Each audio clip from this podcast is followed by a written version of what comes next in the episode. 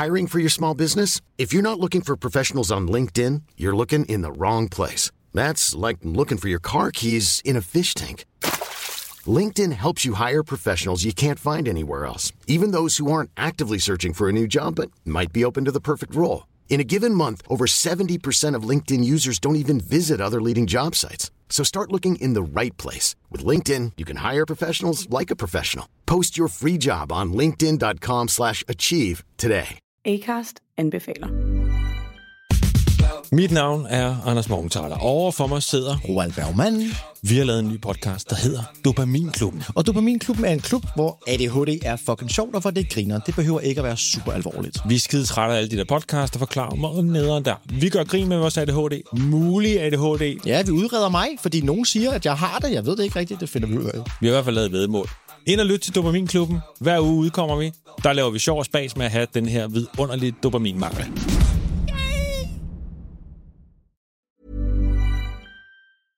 مرحبا أنا رنا داوود وهيدا بودكاست دمتك اليوم منعيد نشر حلقة عزيزة على قلب كل شخص ساهم بهالبودكاست حلقة نهاوند كانت الاختبار الأول إلنا كفريق بتشكيل هوية دمتك من سنة بالضبط كنا عم نصيغ هالقصة ونضيف عليها عناصر صوتية ونرتب ونجرب ونعيد. يمكن هاي أكتر حلقة علقت براسنا قد ما سمعناها بالمكتب أو يمكن لأنه القصة فعلا مؤثرة. نهاوند حكاية عن الشغف والحلم والأمل بعد اليأس والانتظار والوحدة؟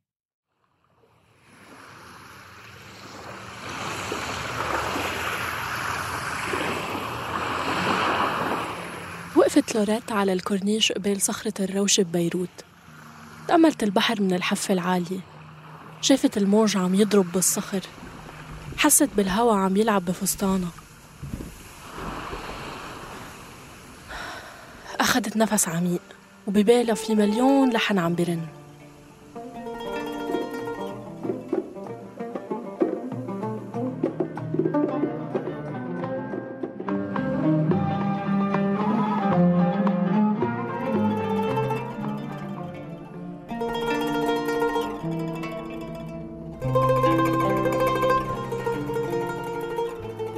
أخدت خطوة لقدام لصارت على طرف الحفة بالضبط وقررت تنط.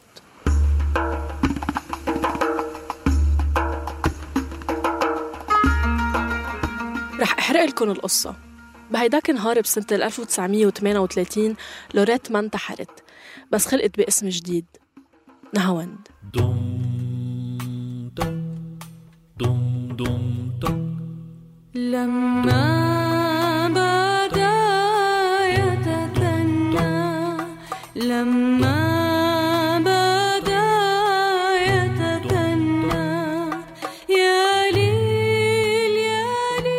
فيكم ببودكاست دمتك لمعازف ومنصة صوت.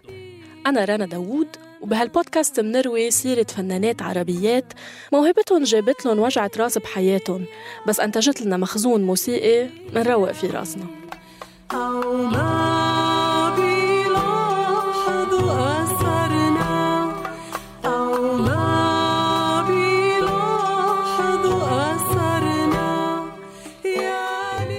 ليل بالحلقة الأولى من هالسلسلة منتعرف على نهاوند. من خلال قصة كتبتها نور عز الدين لمعازف ورح نرويها نيابة عنها. جربنا ننفض الغبرة عن المعلومات المتاحة. وإذا برأيكم غفلنا عن أي تفصيل خبرونا شو بشدكن أكتر لسيرة هالفنانة من خلال تعليقاتكم على مواقع التواصل. نهاوند أسموني بمقام نسبوني على عرش وضعوني فعاد ونسيوني. سافرت وأحببت وبكيت حتى شاب شعري.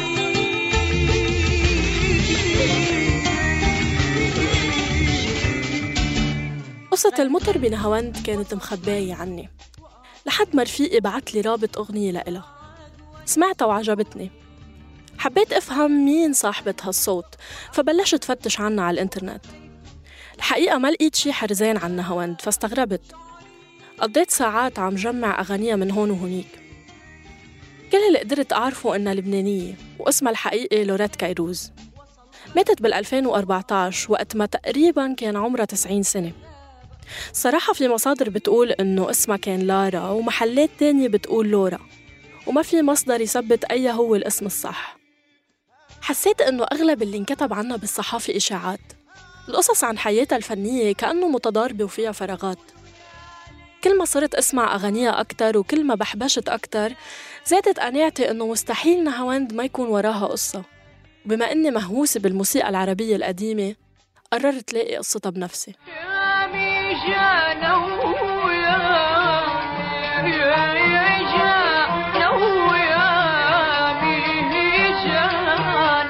الشيء الوحيد المشترك بمعظم الأخبار عن نهاوند كان اسم الكنيسة يلي صلوا فيها عروحة. اسمها كنيسة مار سمعان العمودي الموجودة بضيعتها يحشوش بجبل لبنان. قلت بركي الكنيسة بتكون مفتاح القصة ورحت على يحشوش مع صديقي. انت حبيبي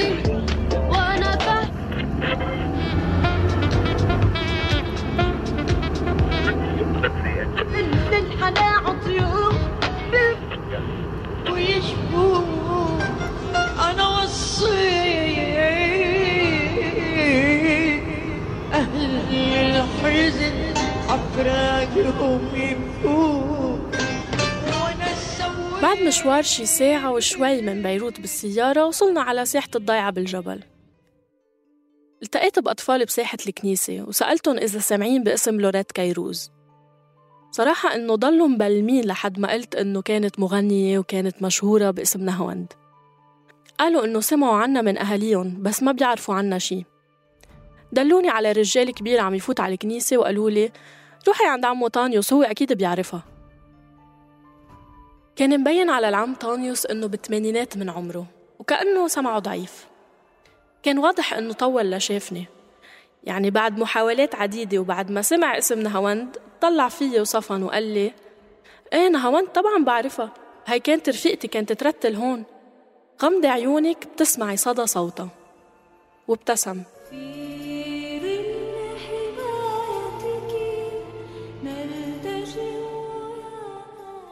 دلني على الحي اللي عيلتها ساكنة فيه. وقال لي إنه بس هن بيعرفوا قصتها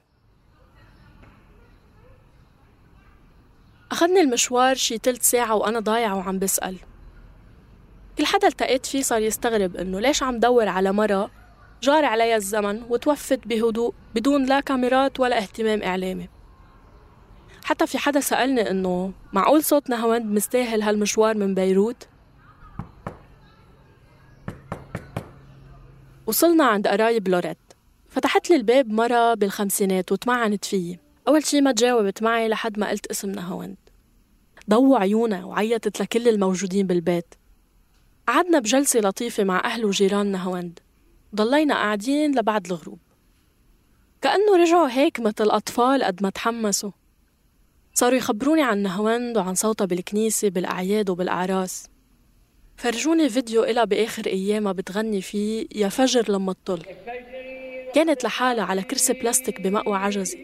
تسجيل ببكي. وصحي غريب غريب والله غريب وانت لبين اهلك عايش بدنيا والروح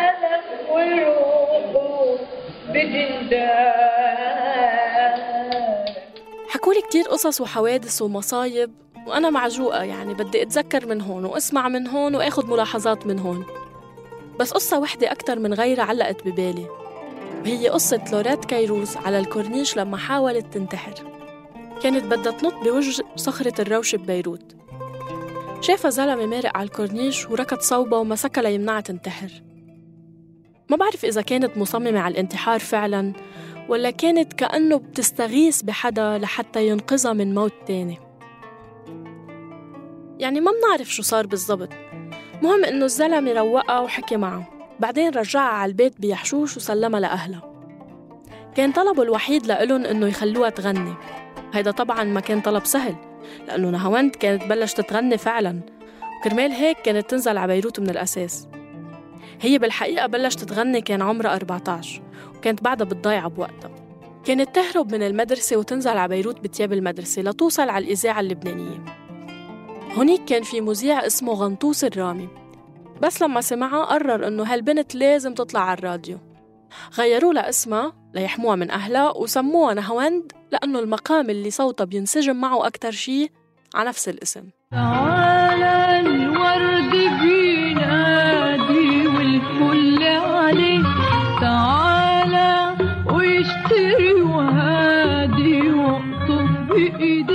مرة انلقطت هي ونازلة على بيروت بس أهلها كانوا يميزوا صوتها لما يسمعوها على الراديو ويضربوها. كانوا يضربوها عشان يوقفوها عن الغنى. حجتهم بالتعنيف إنه كان بدهم مصلحتها. يمكن اللي كانت عم بتقوله نهاوند بمحاولة الانتحار إنه هي مستعدة تضحي بحياتها كلها كرمال تغني. وهيدا بالضبط اللي عملته مثل ما رح نشوف بعدين. المهم بعد هالقصة قال كيروز انحطوا تحت الأمر الواقع إنه بنته لوريت بدها تغني. قرروا يمشوا مع الموضوع ونقلوا من ضيعتهم يحشوش على بيروت. نهاوند كان عندها عم كفيف ساكن مع أهلها بالبيت. من وقتها وطالع صار كل ما بدها تروح على الإذاعة تنطره هو يوصلها وينطرها لتخلص. ببيروت زاد طموح نهاوند وتصميمها خاصة بعد ما تعرفت على جارهم الجديد عيسى النحاس. كانت شغلته يدبر أزياء للمطربين بمسرح تياترو الكبير. أهم مسرح ببيروت بهيداك الوقت. بالثلاثينات والأربعينات عم نحكي. اشتغلت فيه نهاوند طوشت له راسه نهاوند وما تركته لحد ما قنعته ياخدها على المسرح. وفعلا أخدها. وغنت ميجانا قدام مجموعة من الملحنين والفنانين اللي كانوا يشتغلوا بتياترو. قرايبها بيقولوا إنه الناس وقفوا لها من قد ما انعجبوا بصوت هالصبية الصغيرة. أنا عصفورة في قلب الوادي أيام كان في الدنيا بلادي. أنا عصفورة في قلب الوادي أيام كان في الدنيا بلادي. بعدها إجاها عرضها الأول من الملحن يوسف صالح وغنت معه أول غنية خاصة لإلها. غنية يا عصفورة. الأغنية بلحنها البطيء والهادي نسبياً كانت مختلفة عن قوة وسرعة الأغاني الجبلية بوقتها. كانت كتير مناسبة للتحولات اللي كانت بتمر فيها الأغنية اللبنانية بأواخر الثلاثينات وبداية الأربعينات. بمنتصف الثلاثينات كانت الألحان اللبنانية عم تاخد شكل جديد. اتطورت الموسيقى الفولكلورية اللبنانية بعد ما كانت محصورة بكلمات أبناء الضيعة الجبلية وخاصة الفلاحين اللي كانوا يغنوا بصوت قوي. يعني تخيلوا مثلا صوت نجوى كرم. بعدين بلشت تتغير هالألحان وتاخد قالب معاصر أكتر ببداية الأربعينات. الأغنية نجحت كتير وبوقت قصير صار اسم نهاوند معروف بعالم الغنى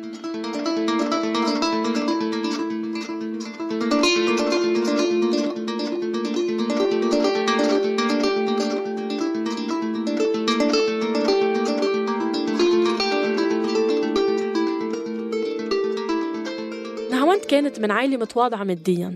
وهالموضوع تأزم ببيروت. مثل العادة نهاوند بتلاقي تصريفة منها لحالها. شو عملت؟ راحت على مطعم طانيوس اللي كان معروف إنه بيجيب أحسن مطربين بالبلد وطلبت تغني أول شي ما حداش عبرها شو عملت؟ وقفت بنص المحل وبلشت تغني لحالها. أنا والليل والشمع وقلب محتار من جمعة أنا والليل والشمع وقلب محتار من جمعة وخيالي عاني الذكرى وشمعتي تسكب الدمع سمعها صاحب المطعم قام طلب من الصبي اللي عنده يروح يجيب فساتين مستعملة عشان تغني فيهم. وبلشت تغني نهواند بمطعم طانيوس. كان المفروض إنه تعمل الوصلة الافتتاحية لتدخل الجمهور بالجو قبل ما يبلشوا الفنانين الأكثر شهرة يعني. بس بسرعة صارت هي الوصلة الأساسية بناء على طلب الجمهور طبعا. هالشي خلق توتر بينه وبين باقي المطربين. يعني بنقدر نتخيل شعورهم وقتها إنه مين هالطفلة اللي جاية من الضيعة؟ لا بتعرف تلبس ولا تمشي ولا أصلا طايلة الميكروفون. وجاية كمان تاخد جمهورنا؟ مش قليلة تقيلة عليهم يعني.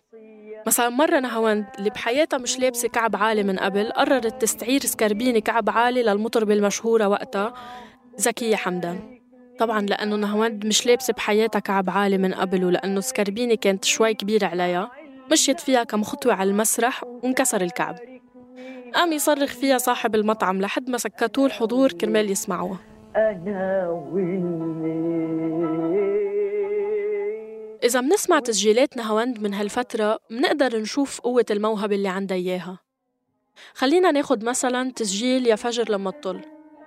الأغنية اللي أطلقت مسيرتها وخلت اسمها ينعرف جوا لبنان وبراته. كتب الكلمات الشاعر اللبناني محمد علي فتوح ولحنها مصطفى كريدية هو بنفسه غناها قبل ما يعطيها لنهاوند اشتهرت الغنية بصوتها بنص الأربعينات.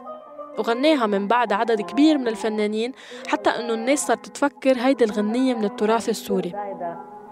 يا حلو بالله يا حلو بالله أنا لك وأنت لي والشاهد الله. على الكرد هيدا. نوصى سينيورا ارجع قبل ما تبدأ الأغنية بموال على مقام حجاز وهون بتتلخص موهبة نهاوند لأنه قدرت بطبقات صوتها تجيب المقام على أصوله. ولما بتنتقل على مقام البيات بتاخدنا على عالم تاني. هالمقامات يمكن أكتر ناس أجدوها هن أهل العراق. لدرجة بس تسمعها بتحس حالك رح تسترجع قصيدة مظفر النواب. مو حزن لكن حزين. لأنه الحزن اللي بصوتها واللي بتفرضه هالمقامات بخليك تحزن عن جد بدون سبب. هيدا الصوت والموهبة الجارفة كانوا كبار على بيروت بهيداك الوقت. ولهيك قررت نهاوند تسافر. يا فجري لما طل ملون بلون جربت تطلق مسيرتها برا لبنان وتنقلت بين تركيا ومصر وسوريا. بمصر ما قعدت كتير عملت ثلاث أفلام. بس لقت المشهد مزدحم كتير والمنافسة شرسة. فتركت وراحت على حلب مع أمها. بوحدة من المقابلات التلفزيونية بتقول نهاوند إنه مشوارها الفني الحقيقي بلش هونيك بحلب. يا رايحين لحلب حبي معكم راح. يا محملين العين بتحت العين بتفاح كمان بحلب تعذبت كتير. المطربات اللبنانيات اللي كانوا هونيك شنوا حملة عليها وقاطعوها كانوا دايما يكايدوا ليضمنوا إنه نهاوند تكون النمرة الأولى تطلع على المسرح وتخلص بسرعة. حتى إنه باقي الفنانات اللي رفضت تذكر أساميهم كانوا يعاملوها بفوقية. وكل ما نجحت نهاوند أكتر زادت عداوتهم لدرجة إنه كانت تلاقي فساتينها مخزقة قبل الحفلات. ومن بعد حلب راحت على بغداد. بغداد كانت مرحلة كتير مهمة بحياتها مثل ما بتقول نهاوند وكأنما قلبت الدنيا ببغداد وكأنه صوتها ما كان يدوي فيها من أقصى الشمال لأدنى الجنوب. هونيك تعرفت على الملحن رضا علي اللي ترك إرث فني لا يقدر بثمن من ألحان أغنية المنجز الموسيقي العراقي. كتب لها رضا علي ألحان طوال فترة إقامتها بالعراق. الشيء اللي بيأكد براعتها وتمكنها. رضا بوقتها كان الملحن الرائد بمرحلة مهمة بتطور الغناء العراقي. وتميز بأنه ركز على البساطة والسلاسة بألحانه بس بطريقة بتتطلب من المطرب أنه يكون متمكن. هالأغاني عملت نقلة نوعية بتجديد الأغاني العراقية ودمج الحس الشعبي بلحن معقد. أتقنت نهاوند المقامات العراقية ونضج صوتها بسرعة مع رضا علي. حتى أنه في ناس فكرت أنها مطربة عراقية. اللهجة العراقية كانت مناسبة لصوتها وأضافت له شيء من الغموض. اسمعوا مثلا هالتسجيل. أين يا ليل صباباتي وأحلامي وكأسي أين؟ أين يا ثمار نجوى وعرسي أين؟ بغنية أين يا ليل. أول غنية غنتها نهاوند بالفصحى. بدت ملامح صوتها تصير أوضح. إذا غمضنا عيوننا وحاولنا نتخيل شكل صاحبة الصوت يمكن نتصور شي ست أربعينية مخضرمة عم تعتلي المسرح بثقة وتغني بقوة واقتدار. رافق القصيدة كتير من التأويلات حول مين كتبها ولحنها. ونسبت مثلا إلى سيف الدين ولائي رغم أنه سيف الدين اشتهر بكتابة أغاني باللهجة العراقية البسيطة. البعض الآخر نسبها للشاعر العراقي علي الشرقي اللي اقترب بأسلوبه من كلمات أين يا ليل. وتجلى بوضوح بقصيدته شمعة العرس. بس ما في شي رسمي بيأكد مرجعية كلماتها إله. ضربت المعلومات حول هوية الملحن كمان. ورجحت بعض الروايات أنه من شغل الملحن القدير منير بشير. حتى في ناس قالوا أنه من ألحان نهاوند نفسها. استغربت هالخبرية أنا. بس بعدين طلع أنه هالشي مش كتير مستبعد. يعني على ذمة صديقي العراقي عنده معرفة وثيقة بالمقامات. الأغنية على مقام السيكا وبالتالي مش بالضرورة يكون في ملحن.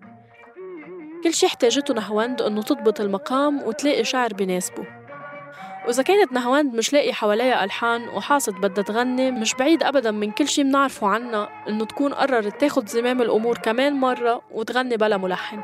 وبالفعل يبدو إنه نهواند نجحت بهالمحاولة وأغوتنا على مقام بيتجنبوا كتير مطربين. إذا قارنا صوتها بصوت يوسف عمر وهو من أكتر يلي أجادوا إخراج المقامات العراقية والتلوي بقالبها رح نلاقي إنه لامست المقام بطريقتها الخاصة وزادت عليه من جمالها. رغم كل هالنجاح كانت نهاوند وحيدة.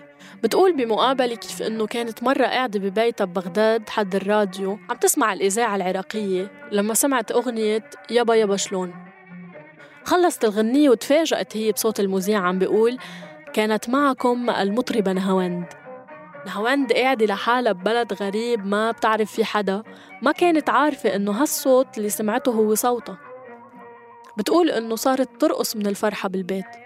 ويمكن هيدا هو السبب اللي خليها تضل تزور سوريا لما كانت بالعراق.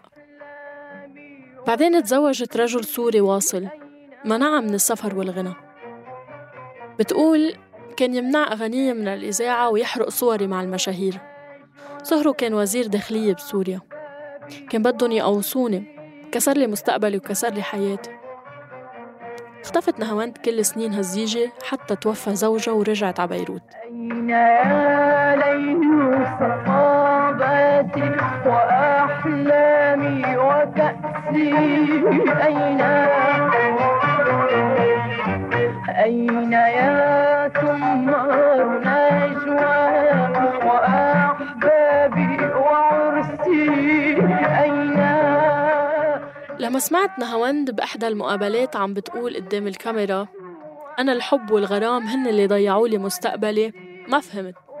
حسيتها عبارة رومانسية من هيدول اللي بيحكون المطربين أمثال هاني شاكر بس لما نطلع على مسيرتها منلاقي إنه الحكي مش مبالغ فيه.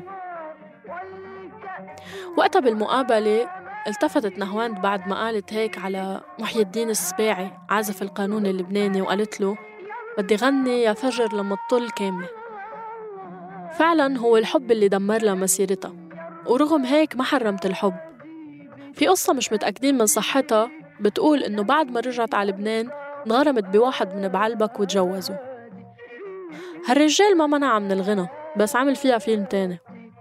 بتقولنا هواند إنه كان شاب إله قيمته وكان كتير منيح. الحقيقة إنه هالزلمة خانة ولما إجت من قلبها الطيب توصف الخيانة عرفتها ب تعرف على ست تانية وصارت ظروف. قال لي بدك تضلي معي؟ قلت له لا. قال لي بشدك عبيت الطاعة. فسافرت حتى نسيته. بترجع بتقول أنا ما بحقد عليه والله يسامحه. أنساك. ده كلام أنساك ده كلام. أنساك يا سلام. أهو ده اللي مش ممكن أبدا ولا أفكر فيه أبدا. المهم إنه صارت بدها تترك كل هالوجع وراها بأي طريقة. في قصة بتقول إنه دبرت حفلة بساو باولو مع فرقة وسافروا كلهم مع بعض. هاي قصة تانية مليانة غموض. لسبب ما الفرقة تركتها واختفت. هيك بنص البرازيل ببلد بتعرفش فيها حدا. هيدا قبل الإيميل والموبايل يعني. الجماعة اختفوا وما لقيتهم. قعدت على الرصيف. بتقول لها هوند إنه اللي صار مش عيب. تحزبت كتير وبعد ما تهربت منها الفرقة وتركتها بدون ما توضح السبب صارت تطلع بساو باولو تبكي بالطريق لحد ما ضاعت. فوق هيك ما كان معها أجار الأوتيل ولا شي. لحد ما بيمرق رجال شكله سياسي حسب ما وصفته. بيشوفوا على الرصيف وبيسألها شو بها. بعد ما خبرته القصة غمرها وقال لها تعي معي. طلعت على مكتبه واكتشفت إنه هو محامي. وطلب منها تخبره شو عم تعمل بالبرازيل. بتقله إنه ما بتعرف حدا ولا بتعرف كلمة برتغالي. وخبرته شو صار بالتفصيل. بعد ما سمع عطاها مصاري ولما حاولت ترفض قال لها بس تشتغلي بترديلي وبلش يعمل هالتليفونات. جاب ناس لعنده وقال لهم هالبنت هيك هيك صار معها. دبر لها غرفة عند ست محترمة وحل الموضوع على التليفون وقال لها شو ما بدك واصلك. بتقول إنه إجا لعنده رجال كبير اسمه أبو خليل. قال له خدها معك على برناوة خلي العالم تشوفها. برناوة هو مطعم كبير بيتجمع فيه العرب بالبرازيل وبيجي مطربين بغنوا فيه. تطلع نهواند بحالها وما كان عندها غير فستان واحد. بتغسله وبتنطره لينشف. استأجرت فستان وراحت على المطعم. وقدموها على إنها مطربة جديدة بتتذكر نهاوند إنه غنت غنيتين وإنه اللي كان عم بيدق عود بالفرقة اللي عم تعزف كان من بيت عزار. بتقول إنه الغنيتين هن يادي النعيم والتاني عتابة. وبتوصف المشهد اللي صار بعد ما سمعوا الناس غناءة. وبتقول عربشوا على الطاولات العالم. كتير بدعت. بس خلصت الحفلة إجا حدا بس لي إيدي وحط لي مصاري بإيدي. قلت له لا أنا ضيفة شرف. قال لي لا أنت صرتي موظفة. أنت شغالة من الليلة. مسكت المية دولار ووقفت على الطاولة وصرت أقول لهم أنا اشتغلت أنا اشتغلت من فرحتي. لما التقيت بقرايبينا بيحشوش خبرتني بنت أختها إنه مرة قررت تروح عند خالتها على البرازيل. هالبنت كان صوتها حلو. لما راحت لهونيك صارت تنزل بالحفلات مع نهاوند ليغنوا سوا. وشافت الناس قديش بحبوها. خبرتني إنه خالتها بقيت شي 15 سنة بالبرازيل وفجأة قررت ترجع بدون ما حدا يتأكد ليش.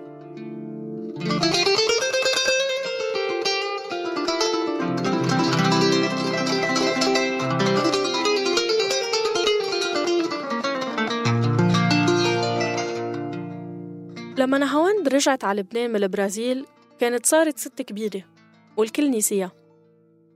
بالستة وتسعين طلعت بمقابلة على تلفزيون المستقبل وحكيت بس بقيت في كتير تفاصيل مبهمة عن حياتها. يمكن لأنه نسيت تذكرها ويمكن لأنه فضلت تحتفظ فيها لنفسها. شاف المقابلة المنتج اللبناني ميشيل الفتريادس وطلب منها تنضم له. بمهرجانات جبال سنة 2001 اللي نظمها الفتريادس ظهرت نهاوند للمرة الأولى على خشبة مسرح جبال. يمكن عمرها هو اللي شد الجمهور أكتر من صوتها كانت كأنه فرجة يعني. بعد المهرجان طلب منها ألفتريادس تبلش تحيي حفلات عنده بال Music Hall وهو من أشهر النوادي الليلية ببيروت. أغلب اللي بيروحوا عليه هن شباب يعني أكبر حدا فيهم ممكن يكون بنص عمر نهاوند. لو كنت حاضرة هيديك الليلة كنت على الأغلب رح خاف عليها بهيك أجواء. بعد فترة لقيت فيديو حفلة نهاوند بال Music Hall. بتطلع نهاوند على المسرح. بتمشي شوي شوي. لابسة فستان خفيف وشعرها مسرح على جنب. بتوصل للميكروفون والكل عم بيعيطوا ويصرخوا ويصفروا. بتدقر نهاوند الميكروفون بأصابعها وبتقرب منه. بتبلش فرقة شبابية بالعزف. لما غنت الكل سكت. بعد ما راحت صدمة الجمهور بلشوا يتراقصوا شوي شوي لحد ما شدت نهاوند بالغنى وشعلت الجو كأنها مغنية بوب. غنت شي نص ساعة أو 40 دقيقة تقريبا. بهيديك الحفلة غنت سكبتلك دمعي بالكاس لكل مين خانة وتركت روح. كأنه عم تغنيها للبنان وللغربة وللي حبتهم وخانوها وخانوا موهبتها. انتقلت بعدين لأغنيتها الشهيرة يا فجر لما تطل. وسط هتافات جمهور ما توقع كل هالشي من مرة عمرها 80 سنة. رفضت تترك المسرح إلا بعد ما إجا المرافق ياخدها على الكواليس. بعدين فلتت منه وركضت مرة تانية على الميكروفون وبلشت تغني من جديد. في دنيا الألم والروح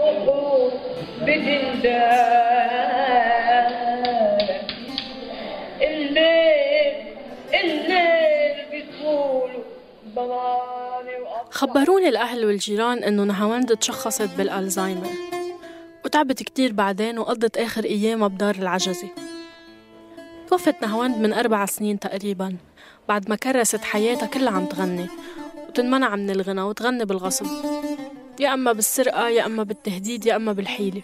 المهم إنه كانت تغني. بعد هالمشوار الطويل من البحث اللي بلش من الإنترنت واخدنا على يحشوش لكل أرشيف المحطات المشتت لنهاوند وكل القصص اللي سمعتها وقلنا لكم إياها بهالبودكاست تأكدت إنه نهاوند كانت بتستاهل تكون نجمه كبيرة. الكل بيقدر فنها وبتستاهل إنه جيلنا يضل يتذكرها.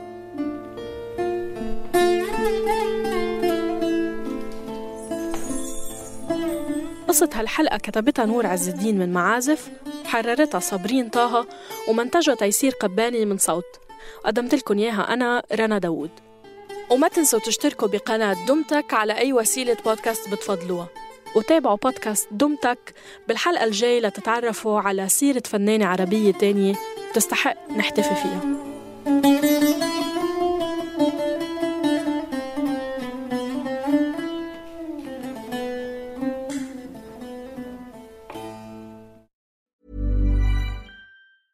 Acast anbefaler. Mit navn er Anders Morgenthaler. Over for mig sidder Roald Bergmann. Vi har lavet en ny podcast, der hedder Dopaminklubben. Og Dopaminklubben er en klub, hvor ADHD er fucking sjovt, og hvor det griner. Det behøver ikke at være super alvorligt. Vi er skide trætte af alle de der podcasts, der forklarer mig og nederen der. Vi gør grin med vores ADHD. Mulig ADHD. Ja, vi udreder mig, fordi nogen siger, at jeg har det. Jeg ved det ikke rigtigt, det finder vi ud af. Vi har i hvert fald lavet vedmål. Ind og lyt til Dopaminklubben. Hver uge udkommer vi. Der laver vi sjov og spas med at have den her vidunderlige dopaminmangel.